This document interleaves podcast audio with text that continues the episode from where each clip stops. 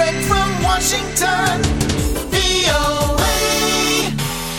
Masih di VOA Executive Lounge bersama saya Dania Iman. Kita beralih ke film yang juga meraih nominasi Oscars 2019 yaitu Vice. Langsung aja kita kembali bergabung dengan Irfan Isan. VOA. VOA Road to the Oscars. Salah satu film yang mendapatkan banyak nominasi Piala Oscar tahun ini adalah film berjudul Vice. Total 8 nominasi termasuk untuk kategori utama, sutradara terbaik, pemeran pria utama terbaik, aktor pendukung terbaik, aktris pendukung terbaik, naskah asli terbaik, dan yang paling bergengsi, film terbaik.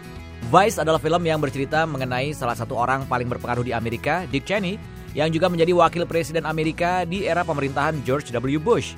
Dibintangi Kristen Bell dan Amy Adams yang menjadi Dick dan Lynn Cheney, juga Sam Rockwell yang menjadi George W. Bush, di mana ketiganya juga masuk nominasi untuk mendapatkan Piala Oscar. I want you to be my VP. I want you. You're my vice. Well, George, I, uh.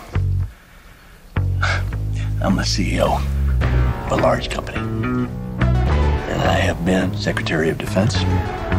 And I have been White House Chief of Staff.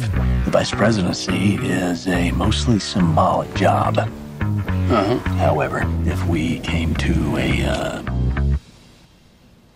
different understanding, I can handle the more mundane jobs, overseeing bureaucracy, military, energy, and uh, foreign policy. Yeah, right. I like that. Berperan sebagai Dick Cheney yang sejak awal penulisan naskah dikatakan penulis dan sutradaranya Adam McKay memang ditujukan untuk diperankan dirinya. Christian Bale mengaku awalnya menyangka kalau dirinya hanya akan menjadi aktor pendukung, bukan pemeran Dick Cheney yang tercatat juga sebagai wakil presiden paling berpengaruh di Amerika, di mana ia sempat tidak tertarik untuk memerankannya. It's quite a stretch of the imagination for Adam, wasn't it? To to go because he said to me he had written it with me in mind. I go, really? How, why would you have done that? Um, uh, and uh, um, you know, I initially thought he was coming to me for some supporting role. And then he said, no, let's play Cheney. And he just, we, we sort of made a deal of, I thought it was going to be impossible, but I also didn't really want to do that much work. I just thought this is going to be a lot of work.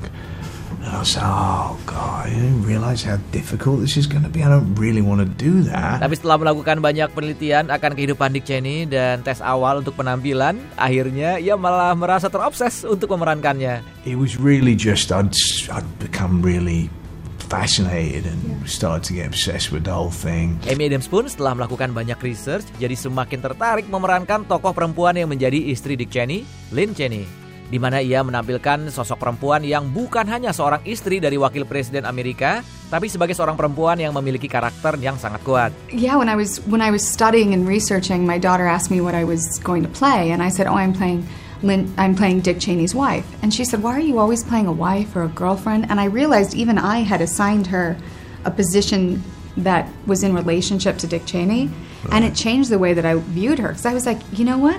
No, I'm playing Lynn Cheney.